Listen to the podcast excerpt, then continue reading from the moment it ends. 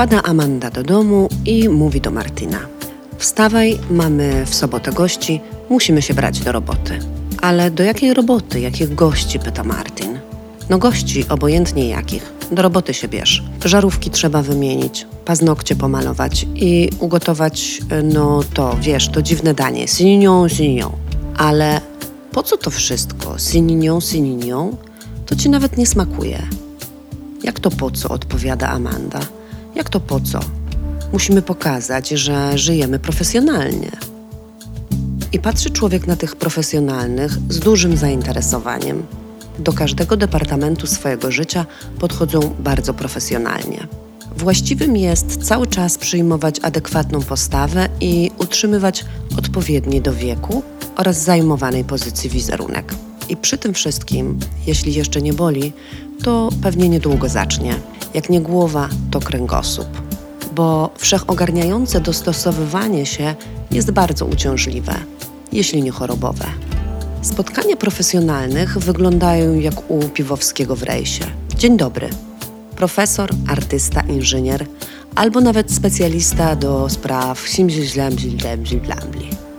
I dopiero jak się człowiek przedrze przez skorupę profesjonalizmu, to może uda mu się zauważyć istotę współrozmówcy. W większości przypadków podczas procesu komunikacji międzyludzkiej rozmawiają ze sobą dwa wizerunki, obudowane normami społecznymi i tymiżże samymi oczekiwaniami. Tworzymy obrazy samych siebie i innych ludzi, często nie docierając do środka, a inni w taki sam sposób tworzą obrazy siebie i wiadomo nas. A przecież nie da się przyjaźnić z obrazem, kochać obraz, czy też być kochanym przez inny obraz. Bez zajrzenia w głąb własnego domu, serca, czy też miejsca zwanego przez niektórych świadomością lub duszą, bez odrzucenia kawałek po kawałku skorupy, którą obrastaliśmy całe życie, nie jesteśmy w stanie dowiedzieć się, co tam w środku się dzieje i piszczy. Więc zaglądajmy najczęściej jak się da, a zauważymy, że samo rzucanie światła na to, co się dzieje, spowoduje, że powoli skorupa zacznie się kruszyć. Innym sposobem, by skorupa tak strasznie nie dokuczała i kij między pośladkami się zmniejszał i nie uwierał, jest amatorskie podejście do ważniejszych i mniej ważnych spraw życiowych. Amatorskie nie w sensie niefachowe, ale w znaczeniu amatora, człowieka, który kocha to, co robi. Lubi to, czym się zajmuje, sprawia mu to przyjemność.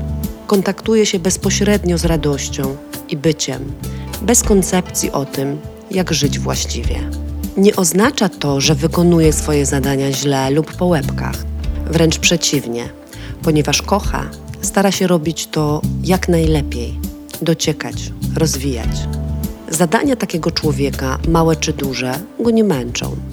I jako człowiek, który kocha, wie, że pewne rzeczy idą mu świetnie, a inne może trochę mniej. Zapewne teraz głosy w głowie zaczynają swoją mantrę. Łatwo powiedzieć: kochaj to, co robisz, bądź w tym, to, co robisz, całym sobą. Odpowiedź na to jest prosta. Jeśli nie podoba Ci się praca, w której spędzasz najmniej 8 godzin dziennie, 5 razy w tygodniu i wciąż tam tkwisz, to czyim życiem żyjesz? Wielki człowiek Alan Watts mówił: Znajdź sposób, żeby dostawać pieniądze za zabawę. Czyli żyj, pracuj, wędruj, nie zostawiając serca w najciemniejszym zakamarku swego domu. Niech idzie z tobą, niech ożywia każdy krok. Tak po prostu, z radością, zupełnie amatorsko.